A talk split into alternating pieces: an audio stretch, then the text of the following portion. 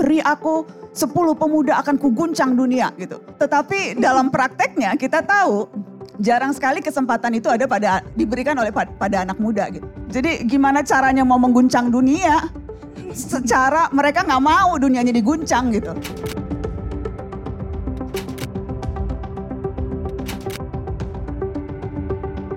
Mana perbincangan atau diskursus yang yang substantif terhadap isu yang mempengaruhi hidup kita. Iya. Mana yang ngomongin polusi udara? Iya. Mana yang ngomongin kesetaraan gender? Mana yang ngomong? Yang ngomong malah Putri ngundang kita ngomongin Indonesia maju.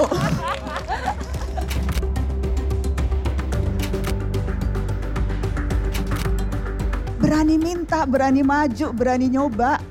Dan aku selalu ulang mantra itu, mumpung masih muda nggak apa-apa, jangan gengsi-gengsian. Daripada udah tua berkuasa malu-maluin. ya kan? Mendingan sekarang masih muda, malu-maluinnya nggak apa-apa, asal nggak ngerugiin orang lain.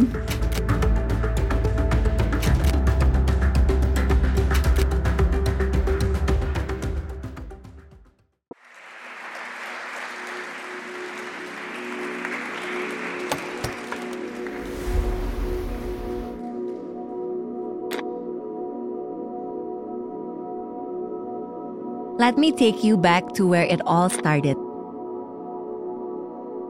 Dimulai pada 20 Agustus 2020 dan sudah berjalan 119 episode.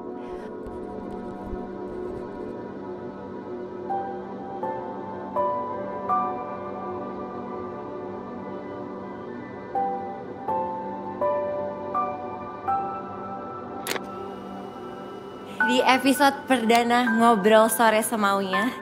Ngobrol Sore Semaunya menjadi ruang aman dan nyaman di tengah ketidakpastian Menjadi ruang tumbuh out of comfort zone. Ekonomi ke depan di anak muda.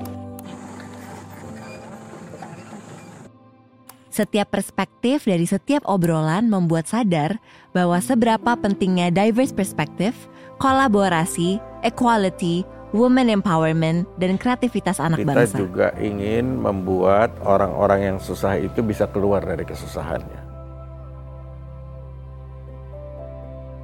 Dari ruang ngobrol sore semaunya, di mana aku menemukan beragam perspektif tentang topik kita hari ini, yaitu Indonesia Maju.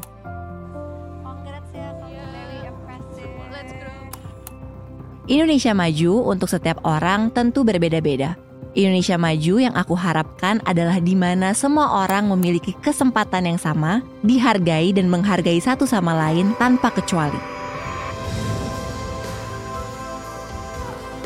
What you get in life is what you have the courage to ask for. Jalanin aja. Just go with the flow. But being positive is actually seeing the good in everything. Jangan lupa keep improving. Bagaimana kita jujur, amanah, Selain humble, menginspirasi, Putri harus memberikan manfaat. But I think it's the right choice to do. Kesempatan sama bisa difasilitasi oleh banyak cara seperti subsidi yang diberi untuk hal-hal fundamental seperti pendidikan dan kesehatan.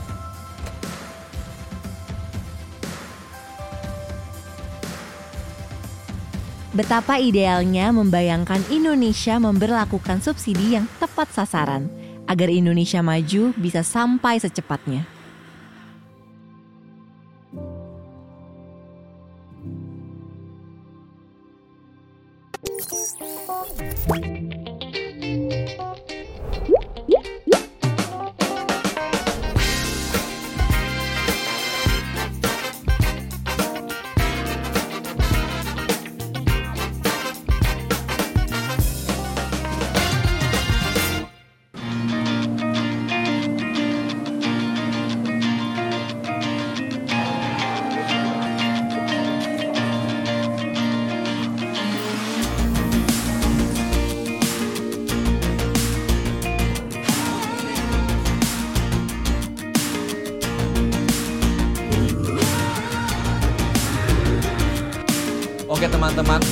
Without further ado, mari kita panggilkan host kita ngobrol sore semaunya, Mbak Putri Tanjung.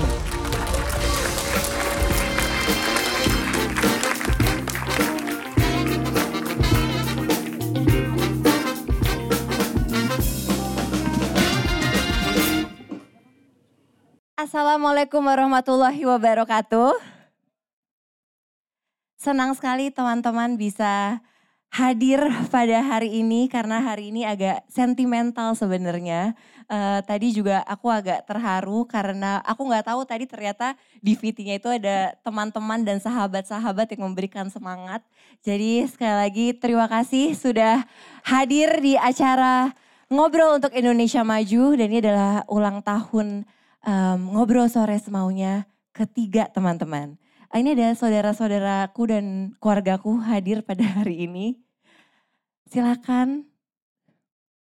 Oke, jadi hari ini teman-teman uh, ngobrol sore semaunya kita udah ketiga tahun dan ini super spesial karena di episode pertama kita itu tayangnya tanggal 20 Agustus 2020 Uh, dan sekarang karena kita sudah jalan tiga tahun, kita pingin bikin gebrakan baru. Gebrakan barunya adalah kita bikin ngobrol untuk Indonesia maju. Dan kita mengundang lebih banyak lagi podcaster-podcaster yang sangat luar biasa untuk ngobrolin dan ngebahas soal Indonesia maju gitu. Gimana caranya kita bisa menuju Indonesia maju yang lebih cepat. Dan sebelum kita undang um, narasumber yang sangat spesial pada hari ini. Aku mau menyapa dulu uh, beberapa tamu yang super spesial. Ada ibu sama bapakku hadir pada pada sore hari ini. Oke, aku seneng banget hari ini karena topiknya adalah ngomongin soal Indonesia maju dan Indonesia maju ini sangat penting sekali untuk kita semua dan awalnya kenapa ada ngobrol untuk Indonesia Maju? Karena sebenarnya ngobrol sore semaunya ini adalah tempat aku bertukar perspektif sama banyak sekali orang.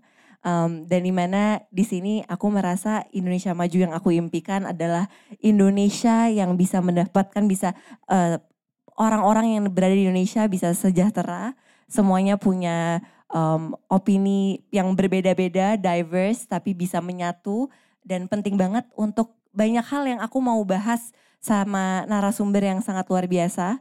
Dan kenapa narasumber ini sangat-sangat luar biasa? Karena beliau adalah tamu episode perdana dari Ngobrol Sore Semaunya.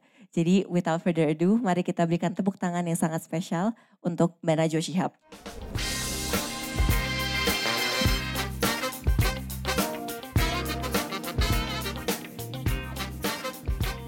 Assalamualaikum warahmatullahi wabarakatuh. Aku harus nyapa Pak CT dan Ibu Anita. Halo Bapak Ibu, senang bisa ketemu. Put, selamat ya. Hai Mbak Nana, aku udah lagi loh ngobrol sama Mbak Nana. Kayak, Masa sih kamu kayak, udah bosan ngobrol sama aku? Enggak, kayak episode pertama lagi gitu. Gitu ya? Iya, Mbak Nana thank you so much udah hadir. Selalu seneng datang Aku tahu banget Mbak Nana sibuk, Mbak Nana baru landing juga dari luar kota. Dari Semarang? Dari Semarang, jadi uh -uh Terima kasih banyak udah menyempatkan hadir. Mbak Nana mungkin pertanyaan pertama adalah pertanyaan yang aku tanyakan di episode perdana kita Mbak. Apa ya? Ingat gak? Lupa. Aku Karena tuh, yang aku ingat yang viral. Apa? So, soal, soal LDR ya? Soal cinta. Soal cinta. Pokoknya kalau soal cinta tuh paling cepet Pasti deh. langsung Sampai viral. sekarang di TikTok tuh masih viral tuh soal cinta. Waktu itu aku nanya, what is your day like di tahun 2020? Jadi aku akan tanya lagi, what is your day like in 2023? Apakah masih tidur masih 4 jam? Kembali ke intensitas dulu sebelum banyak di rumah aja. Kayak misalnya kasih gambaran uh, kemarin itu Mata Najwa kita bikin di Semarang karena kan Mata Najwa kita roadshow keluar daerah. Ya. Kita ke Semarang, paginya itu aku lari dulu sama komunitas runner, terus habis itu siangnya siap-siap, malamnya show Mata Najwa, terus pagi balik, terus tadi sempat meeting dulu, terus habis itu baru ke sini, terus nanti malam ada acara keluarga. Oh luar jadi, biasa jadi ya. itu aja sih. Nah, tapi Mbak Nana, apa kemarin waktu kita ngobrol berarti udah tiga tahun lalu, hmm. apa yang bertumbuh atau apa yang beda dari seorang Najwa Shihab di 2020 dan sekarang? Yang beda apa ya? Ada nggak uh, Mbak perspektif pemikiran yang berbeda? Aku lebih optimis sekarang. Oh oke. Okay. Makin ke sini tuh aku justru makin percaya sama banyak hal. Ya. Karena sesungguhnya teman-teman jurnalis itu kan dilatih untuk terus skeptis ya. Pokoknya ngelihat apa-apa, ngelihat dulu ini potensi buruknya bisa apa nih. Ya. Realistis aja gitu. Ini wah ini ngomongnya kayak gini ini pasti ada maunya gitu. Tapi makin ke sini tuh aku makin belajar dan makin yakin untuk optimis sih Put. Oke. Mungkin karena makin banyak gaul sama anak muda ya. Iya. Sejak bikin narasi lima tahun lalu, konten-kontennya banyak berputar seputar anak muda. Aku setiap eh, minggu pasti ada komunitas, karena Iya. komunitas narasi ada di seluruh Indonesia. Iya. Baru-baru ini tuh karena pokoknya setiap kali tahun ajaran baru mahasiswa, aku tuh pasti diundang ke kampus-kampus Iya. untuk ngomong sama dedek-dedek maba, mahasiswa baru gitu. Iya. Kemarin misalnya ke Undip, ke UIN, besok juga ke UIN Jakarta, ke UI, ke mana-mana gitu. Nah semakin sering interaksi sama anak-anak muda, aku merasa semakin optimis. Ya, kenapa Mbak? Apa dari anak-anak muda yang bikin Mbak Najwa jadi optimis? Semangatnya mereka ya, dan Ya. semangatnya itu nular. Oke. Kayak misalnya tuh setiap kali ketemu maba, aku tuh selalu ingat awal-awal kita dulu masuk ke kampus gitu. Penuh-penuh pengharapan, masih yang agak ada takut-takutnya, pakai jaket alma mater yang masih kenceng banget kerahnya itu dengan bangga gitu ya. Walaupun udah lagi nggak ada uh, ospek yang aneh-aneh, tapi ngelihat mereka duduk baris, penuh semangat, itu tuh betul-betul bikin nular gitu. Dan aku setiap kali ke kampus selalu pesanku sama. Untuk mereka tuh ya jangan hanya mikirin kuliah, kampus itu bukan cuma soal IPK, tapi soal pengalaman yang kalian dapatkan, memori yang kalian ciptakan, jejaring yang kalian bentuk. Selalu pesanku sama. Dan aku juga selalu bilang ke mereka, jadi mahasiswa itu jangan cuma untuk jadi calon tenaga kerja, tapi untuk jadi calon pemimpin bangsa gitu. Dan itu pesan yang kemudian sesungguhnya ketika aku sampaikan ke mereka, aku merasa itu tuh jadi amunisi tambahan buat aku sih. Ketemu muka-muka dedek-dedek pengharapan itu. Jadi semangat ya Mbak Nana? Tapi mungkin kan tadi Mbak Nana bilang kalau ketemu sama anak muda jadi optimis, jadi semangat. Tapi kan Mbak Najwa juga sering sekali bergaul dan bertemu sama yang sudah senior-senior. Itu malah bikin optimis apa bikin males Mbak Nana? Bikin males sih. Oh, bikin males ya? Sejujurnya enggak sih, aku berusaha makanya berusaha menyeimbangkan. Hidup tuh kan harus penuh keseimbangan ya. Apa Mbak yang bikin males? Kenapa? Em, ngomongnya beda yang diomongin dengan apa yang dikatakan. Kerap kali gitu ya. To be honest gitu, kerap kali yang diomongin lebih beda dengan yang dikatakan. Iya. Aku ngasih contoh nih ya, dede-dede. Ada satu kalimat yang kerap kali tuh disampaikan oleh semua orang yang jadi semacam mantra. Ini kalimat yang dipinjam dari Bung Karno. Beri aku 10 pemuda akan kuguncang dunia gitu. Itu tuh kayak semacam simbol yang uh, disampaikan uh, terutama hari-hari ini oleh para politisi gitu. Uh, tetapi dalam prakteknya kita tahu jarang sekali kesempatan itu ada pada diberikan oleh pa- pada anak muda gitu. Jadi hanya sebatas simbol atau semacam gimmick marketing politik Iya. untuk meraih suara yang kita Iya. tahu 60% pemilih mudanya Iya. akan uh, memberikan suaranya di 2024 gitu. Jadi gimana caranya mau mengguncang dunia secara mereka nggak mau dunianya diguncang gitu. Iya. Karena kesempatan-kesempatan itu terhambat terbatas oleh sistem. Oke. Jadi ya di satu sisi itu it humbles me. Tapi di sisi lain tugasku nih untuk jadi provokator. Iya. Untuk ngomong ke anak-anak muda itu untuk ya peluangnya harus direbut Iya. gitu. Mbak, tapi kalau misalkan males kayak gitu, Mbak Najwa jadi nggak pingin masuk aja ke dunia politik. Jadi menggoncangnya lebih gampang. Em, selama partai politiknya menurutku belum mereformasi diri, menurutku akan jauh lebih banyak manfaatnya berada di luar Oke, jadi kalau saat di dalam. jadi kalau saat partai politiknya oke, Mungkin aja sih. oke. Which is nggak tahu kapan ya. Oke, apa Mbak Nana Mohon bikin maaf partai nih. sendiri aja?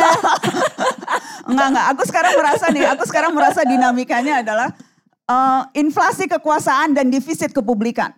Dan aku merasa media itu salah Iya. satu cara kita untuk bisa menyeimbangkan posisi tawar itu.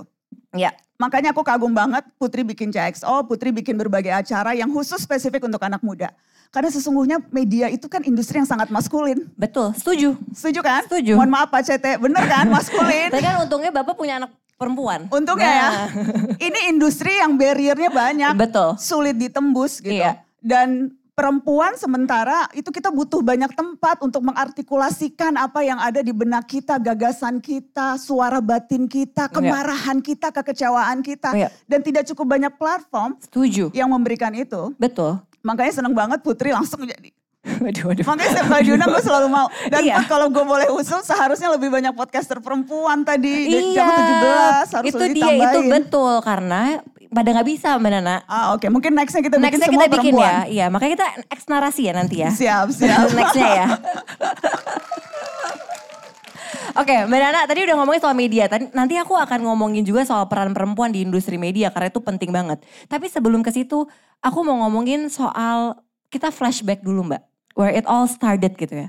Apa waktu itu trigger Mbak Nana pingin menjadi seorang jurnalis? Um, sebetulnya kebetulan, walaupun aku percaya nggak ada yang kebetulan. Iya. Uh, waktu aku Fakultas Hukum UI, waktu itu di semester akhir di Fakultas Hukum ada kesempatan magang dan biasanya anak hukum tuh kalau magang pasti ke law firm atau ke legal perusahaan dan sebagainya. Tapi waktu itu aku baca, aku inget banget aku baca ada iklan peluang magang di RCTI. Oke. Uh, di koran di majalah Tempo waktu itu. Dan ya udah aku uh, apa namanya semester akhir harusnya bikin skripsi cuma lagi males bikin skripsi jadi nyari-nyari alasan melakukan kegiatan lain jangan ditiru. Um, aku daftar dan kemudian justru tiga bulan magang di televisi itu mengubah rencanaku yang tadinya udah mantep mau jadi lawyer. Oke. Karena aku jatuh cinta pada profesi ini. Dan kemudian sekarang udah 23 tahun ya Put. Luar biasa ya Mbak. 23 tahun Apa yang lalu membuat itu cinta, tahun 2000. Mbak? Oh, aku percaya kekuatan informasi sih Put. Oke. Dan aku percaya itu yang justru hari-hari ini nih ketika kita sedang mengalami apa yang namanya tsunami informasi. Iya. Informasi yang berkualitas itu semakin dibutuhkan. It- itu yang akan bisa membantu kita mencapai tingkat kualitas hidup yang kita inginkan. Dari mulai sesederhana apa yang kita konsumsi setiap hari yang kita taruh di atas meja. Ketika kita memutuskan untuk melakukan A atau B, ketika kita nanti memilih siapa di pemilu Ya. atau di pilkada. Ya. Setiap hal keputusan yang kita ambil sehari-hari itu semuanya tergantung dari asupan informasi yang kita dapatkan. Ya. Dan itu kan power luar biasa loh. Betul. Power luar biasa kalau kita bisa memberikan informasi berkualitas yang bisa membuat orang membuat kualitas hidupnya lebih baik. Ya. Dan itu yang menurutku jadi privilege. Ya. Jadi aku bangga pada profesi ini. Aku Ya. bangga pada profesi ini yang memungkinkan aku untuk memberikan kesempatan kepada publik. Ya. Termasuk juga untuk mengartikulasikan suara-suara mereka. Ya. Memberikan panggung atau tempat ke orang-orang yang mungkin nggak punya kesempatan untuk bicara gitu. Makanya ada di Mata Najwa misalnya aku selalu memastikan apa pun topiknya harus ada perwakilan perempuan. Ya. Dan terkadang itu sulit karena misalnya kita banyak ngangkat isu-isu politik, itu terkadang sulit tuh untuk cari perempuan. eh, karena memang terbatas begitu. Ya. Tapi apa pun itu aku selalu memastikan perspektif itu Perempuan selalu harus ada. ada. Itu itu misalnya contohnya. Oke, tadi aku menarik, tadi kan Mbak Nana bilang bahwa informasi itu kan penting. Apalagi tadi kita lagi udah calon calon apa kita udah mau nih ya Mbak ke era-era eh, pemilu ini yang sangat luar biasa em, heboh gitu. Tadi Mbak Nana juga bilang em, again karena kita punya suara jadi ya media juga punya em, kuasa yang sangat luar biasa. Nah dari Mbak Nana dari orang-orang nih yang eh, calon-calon presiden apakah Mbak Nana udah ada yang emang Mbak Nana dukung atau belum? Masalahnya belum jelas siapa. Oh belum. Tapi kira-kira kan suara-suaranya kan udah di mana-mana nih Mbak Nana. Iya berdasarkan survei, berdasarkan deklarasi, Iya. tapi daf- pendaftaran tuh baru 19 Oktober sampai Betul. 25 November ya. Iya. Dan menurutku menurut menurutku kita harus marah sih karena waktu yang diberikan kepada kita. Mohon maaf nih gue sebetulnya bukan motivator, gue provokator. Nggak kan suka banyak tuh quote-quote gue di belakang truk lah atau di mana Iya, gitu bener, kan. bener, bener. Banyak kan juga bukan gue yang ngomong gitu, cuma muka gue. Nggak, menurutku ya kita harus marah karena kita diberikan waktu sangat sedikit untuk menentukan pilihan Iya.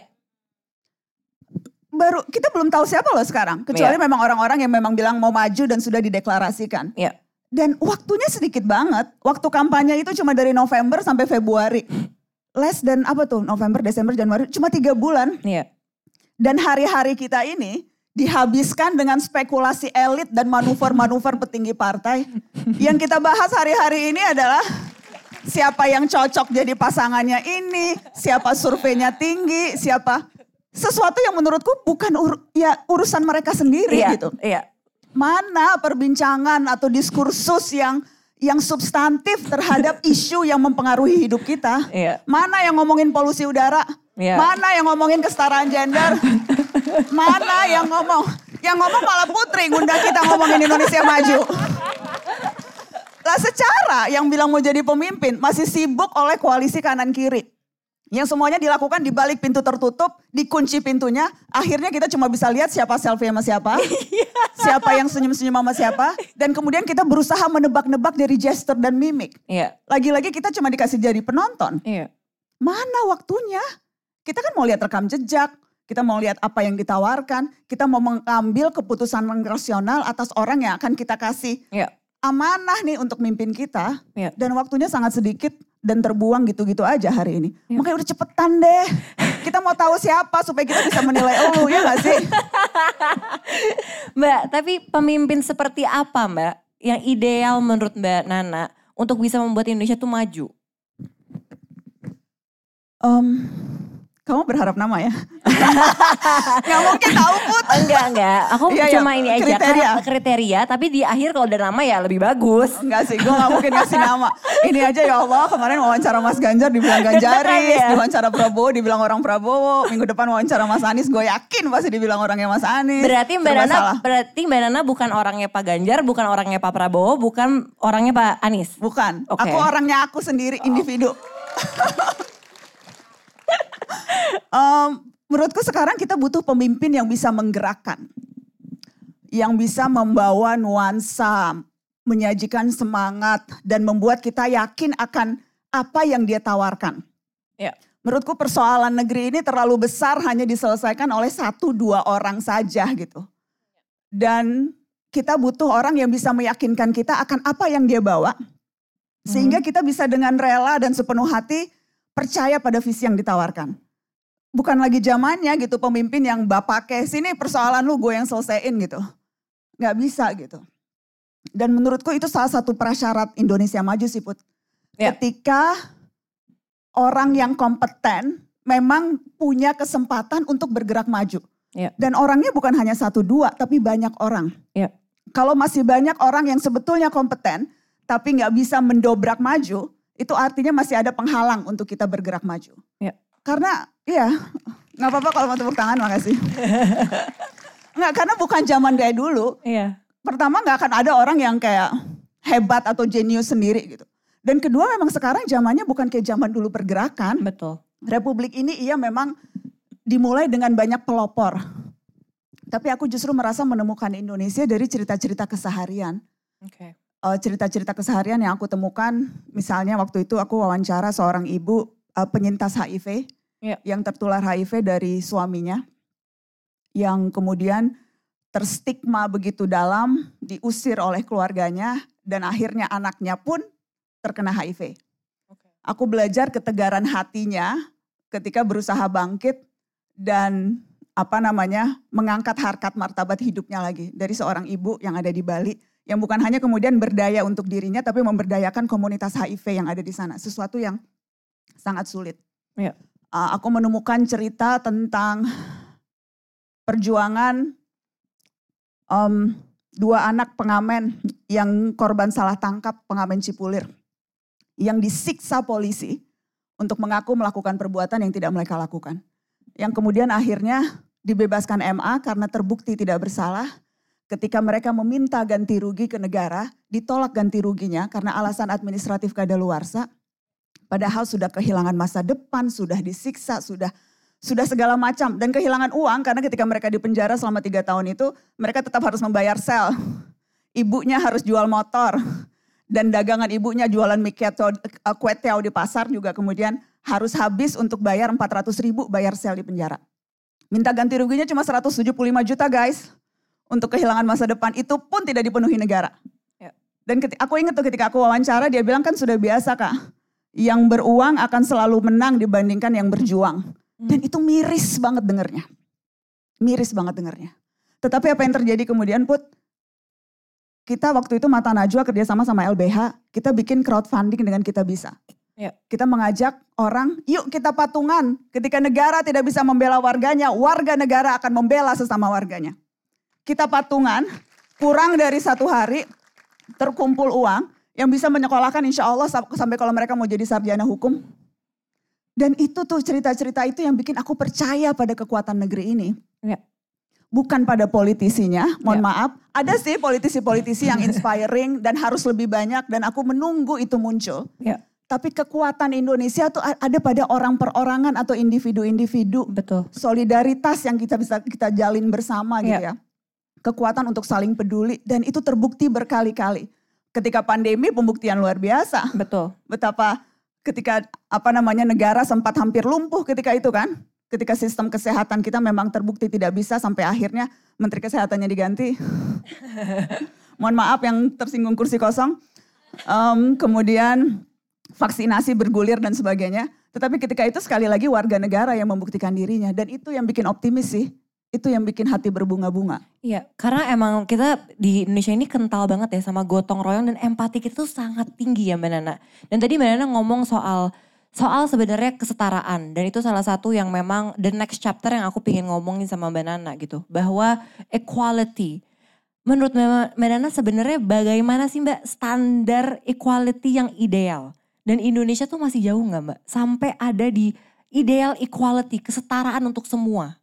Masih jauh Put. Maaf ya ngomong sama gue kayaknya se- se- sedih ya. Nanti end- mohon maaf, mohon maaf. Nanti endingnya gue akan kasih kata-kata penyemangat. semangat ya. Tapi ini kita realistis dulu. Em, kesetaraan menurutku masih jauh. Ya. Karena lagi-lagi karena memang tantangannya negeri ini negeri yang sangat luas gitu. Kita bicara kesetaraan di, di kota-kota besar tentu berbeda. Kalau kita bicara nggak usah nggak usah terlalu jauh deh, nggak di Banten nggak terlalu jauh dari sini. Itu banyak perempuan bahkan yang kesulitan beli pembalut ketika menstruasi loh dek. Itu real problem. Jadi kesenjangan yang sedemikian luas, negeri yang sedemikian apa namanya diverse gitu ya, itu yang membuat akhirnya kita nggak bisa klaim Indonesia sudah setara gitu. Iya. Tapi menurutku kuncinya adalah di kelompok-kelompok perempuan yang berdaya dan punya cukup kemerdekaan untuk juga bisa memberikan kemerdekaan yang bukan setara tapi kesempatan Iya. untuk perempuan-perempuan Perempuan lain. lain. Setuju. Yang Putri lakukan ke daerah-daerah, ke UMKM, ke banyak ibu-ibu. Itu kan bukti contoh bagaimana seorang perempuan yang merdeka, yang kemudian berusaha untuk memerdekakan yang lain. Dan menurutku itu benih-benih harapan tuh di situ. Benih-benih harapan di situ. Karena kalau bicara kesetaraan, bahkan kalau kita bicara perkantoran aja, Ya. gaji perempuan di profesi yang sama, melakukan hal yang sama, kita cuma dapat 77% dibandingkan laki-laki. Betul, kadang-kadang kita lebih kompeten. Iya kan? Iya. Emang selalu sih. Tapi itu, maksudku kalau kita bicara kesetaraan di dunia kerja aja, itu Iya. masih ada problem gitu. Iya. Ke- Dan kemudian pasti banyak yang bilang, wah kan banyak yang maju, banyak ini dan sebagainya. Iya, yang maju, yang yang kemudian menonjol, itu pengecualian dibandingkan kelaziman. Lazimnya tuh nggak seperti itu. Tapi then again, aku percaya pada usaha warga negara Iya. dan contoh-contoh yang diberikan oleh Putri lewat berbagai hal yang dilakukan baik di pemerintahan maupun di non pemerintahan itu menunjukkan bahwa sekali lagi memang harus diusahakan bersama-sama dan kekuatan warga negara itu yang akan bisa jadi kunci menurutku. Amin. Mbak Nana, tapi kalau misalnya kita ngomong tadi ya, equality, itu kan masih, aduh itu masih panjang lah ya gitu. Apalagi kalau misalkan nanti kita ngomongin soal women empowerment, itu juga, wah itu panjang banget lah, diskusi yang endless. Tapi aku mau nanya, Mbak kan waktu itu, waktu di episode pertama, Mbak Nana sempat sharing bahwa menjadi jurnalis itu kan sangat sulit, apalagi perempuan, apalagi kalau perempuannya bukan di kota besar. Ya kan? Nah sekarang Mbak Nana punya sebuah media pandangan soal kesetaraan dan equality jadi berbeda nggak Mbak? Setelah sudah punya dan running your own media company. Uh, it humbles me. Um, karena punya usaha sendiri itu berat. Dan aku selalu bilang pengalaman pengalaman jadi wartawan politik di negeri plus 62 ini selama hampir 20 tahun itu nggak ada apa-apanya dibandingkan jadi entrepreneur yang baru lima tahun. Lebih banyak drama air matanya gitu. Betul. setiap bulan deg-degan nih gue bisa gaji orang nggak ya gitu kan. Dan kemudian Aduh. terutama di pertarungan antara ini sih Put. Antara idealisme dan realisme industri Iya. karena em, bisnis model media, aku tadi ngobrol-ngobrol sama Bang Aziz tuh. Bisnis model media sampai sekarang itu tantangan untuk semua bukan hanya di Indonesia. Iya. Susah bikin orang mau bayar untuk dapat informasi berkualitas. Buat Netflix aja lu mau langganan. Betul. Buat Spotify lu mau bayar. Tapi ketika diminta bayar untuk informasi yang didapatkan dengan susah payah, dilakukan oleh wartawan-wartawan yang pengalamannya panjang. Iya. Itu kagak mau bayar, Put. Iya. Lah terus gimana caranya kita bisa ngasih lu pilihan-pilihan yang berkualitas? Betul. Ya kan Put? Setuju. Nah, jadi itu tuh tantangan-tantangan terutama terutama itu ketika sudah punya usaha, usaha Iya. sendiri. Mbak, tapi menurut Mbak Nana bagaimana nih formula yang baik untuk bisa kita menyatukan keberagaman perspektif gitu. Biar kita kok ya intinya gimana cara kita bisa kolaborasi antar banyak sektor Mbak untuk kita bisa lebih cepat nih untuk menuju equality. Harus ada percakapan bermakna di ruang-ruang publik. Ya. Seperti ini misalnya. Aku merasa terkadang tuh kita bangsa yang lebih suka diem-dieman. Kalau ada sesuatu yang rasanya sulit, dianggap tabu, udah nggak usah diomongin. Betul. Seolah-olah kalau nggak diomongin problemnya nggak ada tuh. Iya. Iya kan? Iya. Harus lebih banyak lagi ruang-ruang publik di mana kita bisa bercakap hal-hal yang memang sulit. Soal Sarah, itu dulu dianggapnya nggak ada tuh zaman Orde Baru kagak boleh diomongin. Ketika kemudian reformasi pecah isu Saranya. Dan terbiasa membicarakan itu dengan terbuka, menurutku itu salah satu cara untuk melumerkan berbagai prasangka. Ya. Terutama hari-hari di mana polarisasi akan semakin tajam nih hari-hari ini. Setiap kontestasi politik polarisasi akan akan terus jadi tantangan. Dan justru di saat-saat itu percakapan terbuka yang setara antara sesama warga negara, Ya. antara warga negara dengan pejabat negara, menurutku itu yang bisa meruntuhkan berbagai prasangka. Jadi harus sering-sering ngobrol sih kita. Aku setuju banget. Dan aku bersyukur banget dan aku selalu bilang sama banyak orang bahwa salah satu idola aku tuh adalah Mbak Nana. Karena Mbak Nana itu adalah perempuan yang sangat luar biasa hebat, punya perspektif yang sangat luar biasa, dan menggunakan platformnya untuk mengetuk banyak opportunity untuk terutama perempuan-perempuan lain. Aku banyakkan pencitraan sih, Bud. oh, mengikuti tren ya? Mengikuti tren sekarang Iya. ya? Mengikuti tren sekarang ya? Kok Mbak Nana gak main, Mbak Nana main TikTok gak sih? Aku main. Oh main TikTok Oh ya? jangan salah, oh gue mengikuti ya? itu. Heeh, selalu. Aku setiap platform punya. Luar biasa Aku punya loh. 10 platform Luar biasa media loh. sosial. Iya. Luar biasa loh. Dan itu juga kekhawatiran sendiri sih. Iya. Tapi kamu juga pasti punya banyak deh. Aku, Apa? nah aku Punya tuh berapa? gak punya. TikTok. Tapi aku TikTok scroll, tapi aku gak punya profilnya. Parah lu Put. Parah banget ya. Parah Gue banget lu, bukan Gen Z banget ya sih. Tapi aku Iya. kalau scroll TikTok bisa berjam-jam. Oh oke oke. Mm-mm, Itu, Man- itu Nana bukan sesuatu aku- yang perlu dibanggakan sih. Bener sih. itu kurang. Tapi kan mencari informasi Mbak Nana. Oh iya benar-benar. Tergantung FYP kamu apa. Betul Mbak Nana. Aku, oh, Wah, FYP ku Mbak Nana. FYP ku kucing tau gak sih? soalnya aku penyuka kucing. Bukan gara-gara Pak Prabowo loh. Aduh. Emang gue suka kucing soalnya pasti disumbang hubungin deh. Mbak Nana, tapi tadi kita udah ngomongin soal kesetaraan. Tadi Mbak Nana juga udah ngomong banyak soal perempuan dan pentingnya peran perempuan. Jadi kita masuk ke chapter berikutnya gitu. Yaitu adalah kita ngomongin soal perempuan. Em, ini adalah percakapan yang selalu aku omongin di hampir di semua episode ngobrol sore semuanya sih mbak. Nggak pernah ada satu, kayak nggak pernah ada satu narasumber yang aku nggak pernah ngomongin soal woman empowerment. Mau dia perempuan, mau dia laki-laki. Karena sebenarnya bukan woman empowerment sih. Ini kita ngomonginnya soal equality kok. Seberapa pentingnya bahwa perempuan juga harus punya kesempatan yang sama gitu. Apakah memang dari keluarga Shihab ya mbak? Kan mbak ini very outspoken gitu. Kayaknya nggak ada takutnya gitu. Aku pengen tahu emang value-nya tuh udah diajarkan dari awal bahwa emang perempuan itu harus bebas berekspresi, eh, perempuan tuh emang bebas berpendapat atau gimana mbak?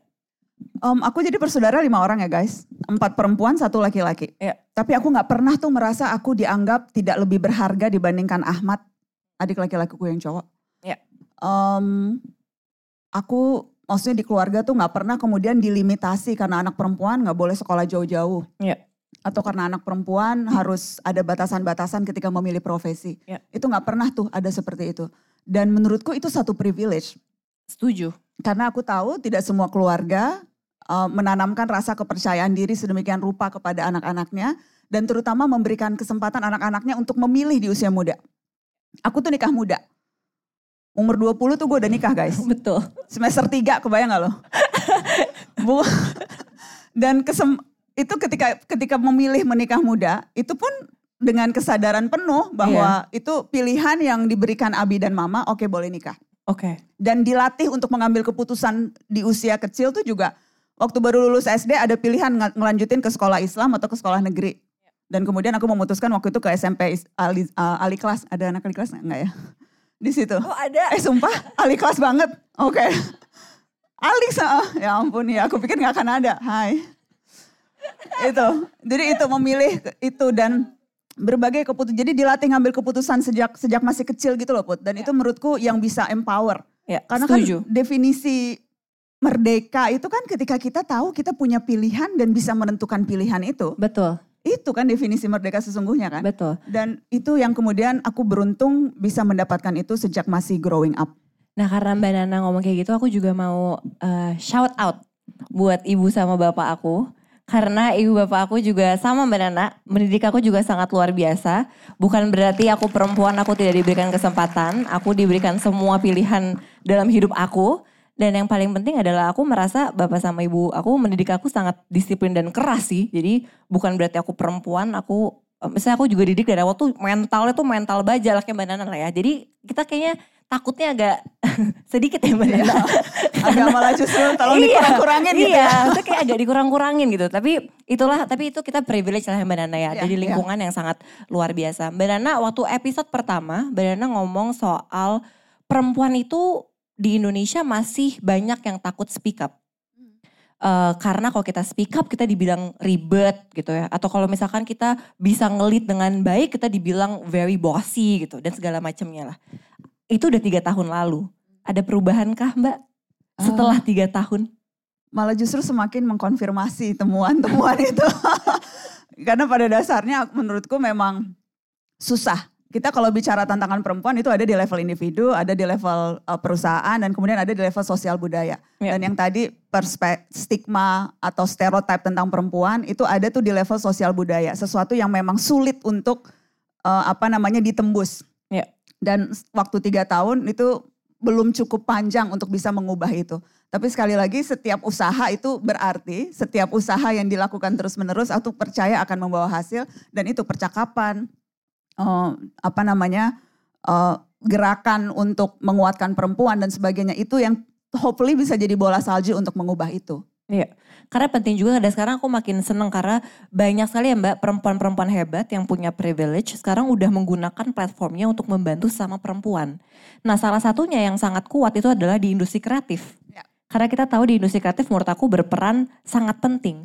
Menurut Mbak Nana yang juga sebenarnya kita sebagai um, leader-leader di media kan kita ada di industri kreatif mbak. Peran industri kreatif tuh sebesar apa sih mbak untuk Indonesia tuh bisa maju?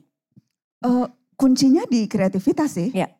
Apa pun bidang pekerjaannya, apa pun industrinya, kuncinya ada di di kreativitas. Iya. Eh, ada berbagai hasil penelitian tuh yang menunjukkan yang paling dicari eh, ketika orang meng-hire dan terutama eh, waktu itu spesifik justru CEO. Iya. Nilai-nilai atau kualitas kepemimpinan apa yang menurut kamu penting dimiliki oleh CEO nih pemimpin tertinggi perusahaan. Iya. Itu creativity itu pasti masuk ke dalam jajaran top 3. Dan memang menurutku sekarang di era teknologi gitu ya, justru semakin kita kreatif, semakin kita bisa memanfaatkan teknologi. Apalah artinya alat kalau kemudian tidak diberi imajinasi, tidak diberi eh, daya pikir gitu ya. Ya. Em, ketika orang menemukan api gitu ya, itu alatnya iya sih, eh, apa namanya batu yang digini-giniin supaya nyala. Cuma dari mana manusia bisa tahu dan menemukan fungsinya seperti itu kan dari daya imajinasinya. Iya betul. Jadi alat hanya akan sekedar alat eh, tanpa diisi oleh kreativitas dan dan itu akan jadi kunci di semua lini di semua industri menurutku. Oke, Mbak, sebelum aku eh, bertanya ke ada dua pertanyaan terakhir, aku memberikan kesempatan dulu untuk teman-teman yang di sini untuk bisa bertanya langsung ke Mbak Nana. Mungkin ada teman-teman yang mau bertanya ke Mbak Nana. Kalau ada... nggak bisa jawab, kamu yang jawab ya Put. Aduh, Mbak Nana. Dua pertanyaan ya, Mbak. Siap. Eh, Mbak, dipilih Mbak Munggo yang mana? Oh, yang mana? Bo- boleh, yang paling ujung banget Put. Yang Karena paling ujung ya? Walaupun jauh, tapi Jauh mata Najwa ya, paling kamu. paling a- paling yang paling belakang ya? atas banget. ha. Nah, itu dia. Itu satu, satu lagi nanti perempuan ya Put. Iya, boleh dong, harus Mbak. Ah, selamat sore Mbak Nana, dengan selamat sore juga Mbak Putri Tanjung. Perkenalkan nama saya Ahmad Noval, mahasiswa tahun akhir International Islamic University Malaysia. Ah, dan terima kasih. Dan ah, sekarang juga berkesempatan ah, sedang magang di Sekretariat Kabinet bersama kemarin juga udah ketemu Mas Didit juga dan Mbak Putri Tanjung kemarin pas 17-an. Mbak. Ah, jadi pertanyaan aku ada sih Mbak Nana ya, karena karena aku ngelihat banyak uh, figur-figur di Indonesia ini kan uh, kita memiliki SDM SDM sangat berkualitas dan kemudian ketika aku juga ngelihat uh, banyak sosok-sosok inspiratif dengan aku diperlihatkan dengan banyak banyak podcaster podcaster yang mem kemudian memberikan impact yang nyata gitu. Nah kemudian ada satu ganjalan ataupun dua ganjalan sehingga kayak kok Indonesia ini nggak bisa se improve negara-negara lain gitu in terms of mungkin ekonomi ataupun hal-hal lainnya dan kita tuh masih kayak uh, mengganjal gitu. Mungkin ada faktor apa sih yang Mbak Nana mungkin lihat karena Mbak Nana uh, gelutis terus-terusan gitu kan di dunia jurnalisme gitu.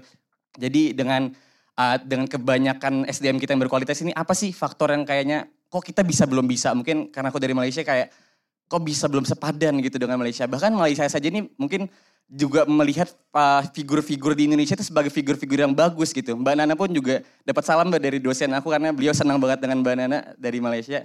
Jadi kayak uh, dengan sebanyak figur itu kenapa sih kita masih agak mengganjal gitu ya? Maksudnya masih ada kendala dalam hal uh, uh, kemajuan dalam negara kita. Baik, terima kasih.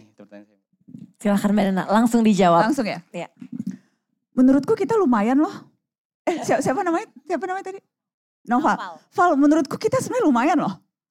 Dibandingkan negara-negara lain tuh kita we're actually not doing so bad. Aku di awal ngomel-ngomel itu, itu ngomel-ngomel warga negara. yang bukan berarti aku nggak bangga sama berbagai pencapaian negeri ini. Yeah. Dari segi berbagai indikator ekonomi, meminjam mulut Ibu Sri Mulyani, kita tuh sesungguhnya negeri yang pencapaian-pencapaian angka-angka ekonominya itu membanggakan dari mulai tingkat inflasi, dari mulai apa namanya cara kita apa aja sih aku nggak mau usah tahu ada Pak CT. Pokoknya intinya itulah. Nanti gue nyebut indikator gue salah ngomong Pokoknya intinya dari segi indikator ekonomi, we're actually not bad, we're actually quite good. Dan itu satu pencapaian. Dan yeah. menurutku, hmm, kita tuh negeri yang punya begitu banyak potensi. Satu hal saja, 40% sumber panas bumi itu ada di negeri ini dan kalau kita bicara tingkat kependidikan atau keterdidikan, kita itu lumayan loh dibandingkan misalnya jadi um, walaupun baru sampai sebatas SMP ya, SMA-nya tuh masih masih harus ada PR lagi tuh untuk kita meningkatkan angka partisipasi di tingkat SMA apalagi sarjana sarjana kita tuh baru 8 persenan lah kira-kira dari seluruh penduduk. Tapi dibandingkan dengan negara yang punya uh, penduduk sebesar ini, seluas ini, itu tuh what we achieve so far is actually pretty good guys. Dan yeah. it, itu itu hal-hal yang menurutku memang harus terus menerus diulang dan diingatkan. Yeah. Dan um, itu juga salah satu tanggung jawab media sih menurutku Put. Setuju. Karena ya memang terkadang lebih mudah kita melihat sesuatu di dari segi negatifnya gitu. Yeah. Karena memang orang juga lebih seneng baca yang negatif dibanding yang positif. Kalau gue mau nyalain lu juga nih ya. Iya, betul, itu, betul. Itu orang orang ya kan orang tuh yang ada tuh datanya tuh ketika berita negatif justru engagementnya jauh lebih tinggi, tinggi. dibandingkan dengan berita positif. Kalau gue mau saling nyalain nih, cuma nggak usah yeah. lah kita salah-salahan, bukan politisi. Jadi apa namanya? Tapi sesungguhnya memang itu juga ada tanggung jawab tanggung jawab kita sebagai penyedia informasi, Setuju. membuat diri kita sadar bahwa despite of all of our problems, we're actually kind of cool sih Indonesia menurutku di di berbagai pencapaiannya. Iya, setuju sih Um, apa namanya? Aku mau mau bilang ini put. Um, dan uh, itu itu sebetulnya definisi optimisme sih menurutku. Optimis itu bukan percaya buta semuanya baik atau semuanya hebat gitu. Optimis itu setia pada proses. Jadi yang kita lakukan ini kita mengawal proses nih. Yang baik kita dukung, yang buruk ya kita lawan itu tuh namanya optimisme ketika kita setia pada proses pengawalan itu. Dan dan aku aku merasa optimis sih pada negeri ini despite of all aneh-anehnya. Tapi ya yeah, I feel good about Indonesia sih. Tapi aku juga merasa kita keren sih. Karena pas aku memulai journey di industri kreatif dan di media dan waktu itu kita komit untuk lebih mengenal lebih banyak anak-anak muda Indonesia dan kita banyak banget ngobrol sama anak-anak muda Indonesia yang hebat-hebat yang mungkin tidak diliput dan tidak kedengeran gitu ya mana ya itu tuh malah semakin optimis dan sedih. Karena kenapa kok mereka justru yang berkontribusi banyak untuk negeri kita malah nggak pernah kedengeran. Dan itu kan sebenarnya juga adalah again kita sebagai media yang berperan. Karena kalau misalkan ya Mbak kita juga tahu lah masyarakat Indonesia juga sukanya kan ya yang senang-senang juga gosip-gosip dan segala macamnya. Which ya nggak apa-apa juga. Cuma ya kita menurut aku berperan sangat penting karena kita harus berkontribusi. Kalau nggak ada yang tahu dong. Iya. Gitu iya. nanti role modelnya itu itu itu itu aja gitu padahal kita keren-keren sebenarnya Banget Put. oke kita ke pertanyaan terakhir Mbak Nana Jilbab hitam. pakai jilbab hitam silahkan Mbak Terima kasih Mbak Nana dan Mbak Putri Tanjung atas waktunya. Perkenalkan nama saya Shinta Ariandani. Saya upcoming student studi University of Manchester. Eh, saya ada pertanyaan untuk Mbak Nana. Jadi kalau misalkan yang kita lihat ini untuk para pelaku politisi di Indonesia, banyak banget kita melihat mereka menyalahgunakan kekuasaan mereka. Eh, melakukan KKN dan lain sebagainya. Nah pertanyaan saya, apakah sebenarnya eh, problematika ini itu adalah generational problem atau sebenarnya it's a culture? Ini yang tertanam sebenarnya di dalam sistem pemerintahan kita. Dan jika memang iya ini adalah sistemik, bagaimana cara kita memberantas hal-hal itu? Makasih. wow luar biasa silakan Mbak Nana dijawab Menurutku kuncinya pada sistem sih. Eh, karena manusia tuh bukan malaikat. Jadi kalau sistemnya tidak diatur sedemikian rupa, kita nggak mungkin berharap bahwa orang bisa akan lurus terus-terus. Kalau malaikat iya. Kalau manusia nggak diatur, kalau lu terima gratifikasi lu harus lapor. Lu ada batasan, lu nggak boleh melakukan ini. Eh Ya. ini yang namanya konflik kepentingan loh. Batasan-batasannya itu apakah sistem hukum atau sistem etika atau atau kemudian yang diinstil di kita agama, akhlak gitu ya. Itu kemudian ada pembatasan-pembatasan. Dan kuncinya memang sekarang menurutku membuat sistem yang bisa memastikan manusia itu nggak jadi setan. Karena kita nggak mungkin berharap manusia jadi malaikat juga. Mahasiswa sekarang harus bisa meyakinkan orang akan ide dan argumentasinya. Karenanya harus banyak diksi. Kalau semua yang muram disederhanakan dengan galau, karena pilihan-pilihan diksinya terbatas, iya jadinya susah. Makanya aku selalu bilang mahasiswa harus romantis, anak muda harus romantis, harus sering-sering baca puisinya Sapardi. Aku ingin mencintaimu dengan sederhana. yes Dengan kata yang tak sempat disampaikan api kepada kayu yang menjadikannya abu. Aku ingin mencintaimu dengan sederhana. Dengan isyarat yang tak sempat disampaikan awan kepada hujan yang menjadikannya tiada. Harus romantis. Jadi anak muda sekarang. Jadi cara mereka meyakinkan orang tuh juga Iya. juga lebih firm gitu. Betul. Karena punya banyak alternatif kosakata dan punya banyak ide dan pergumulan pemikiran yang mereka dapatkan lewat membaca buku-buku. oke Itu Mbak menurutku. terakhir pesan singkat untuk generasi muda kita apa Mbak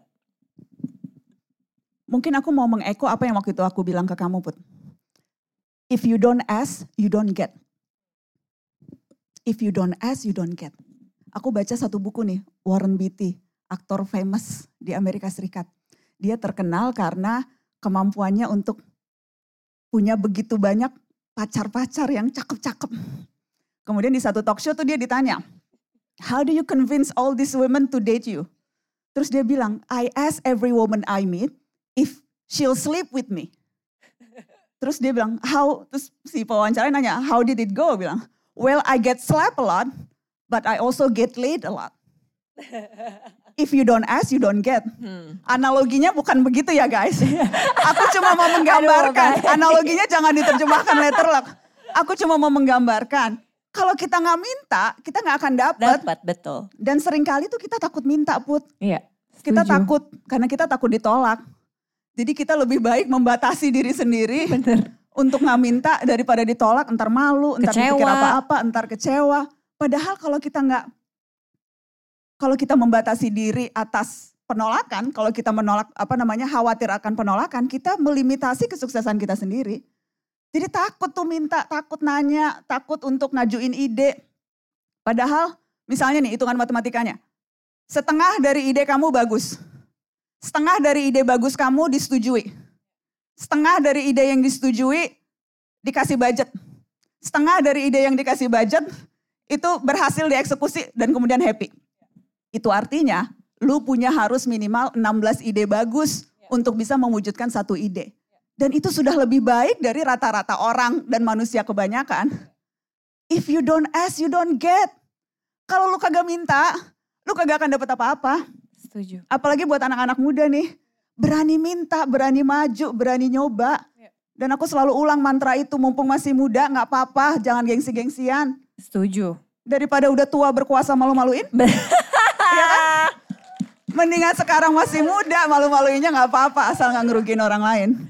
Mbak Nana, sekali lagi kita beri tepuk tangan yang luar biasa hangat buat Mbak Nana. Mbak Nana selalu senang ngobrol sama Mbak Nana. Thank you Put. Terima kasih banyak sudah menyempatkan hadir. Terima kasih teman-teman yang sudah nonton secara langsung. Dan terima kasih untuk teman-teman yang nonton di mana pun kalian berada dan sudah setia.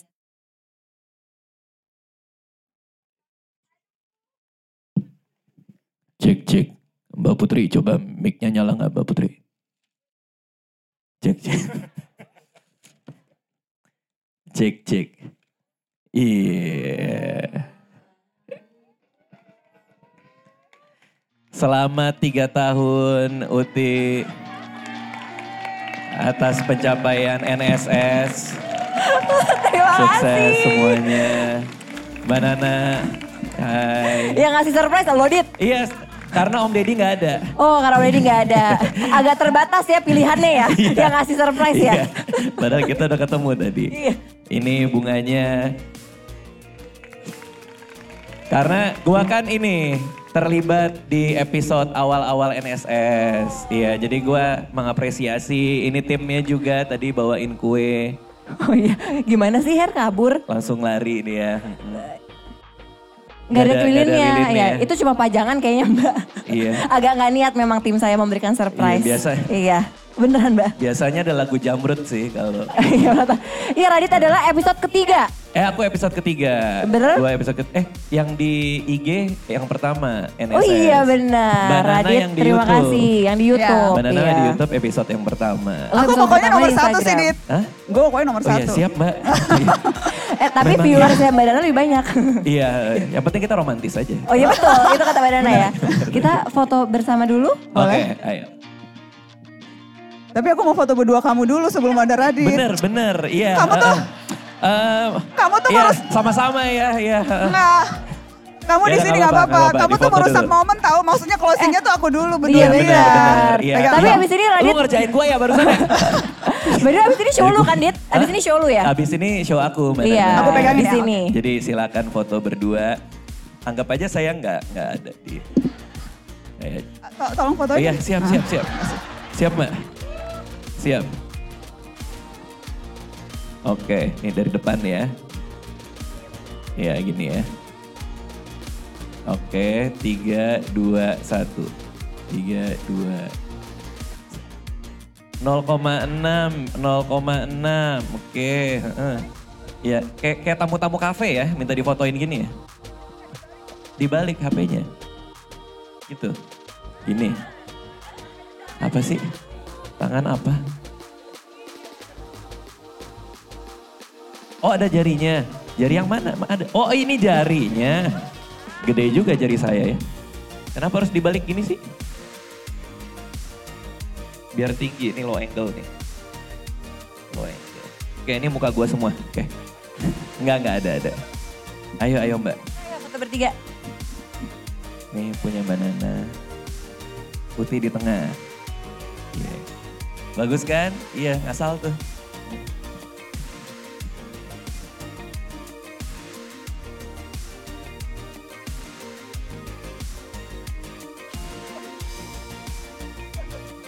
Mas ngalangin kamera, Mas. Mas. Oh, eh, emang yang foto. Oh, dia yang foto, dia yang foto. Ya.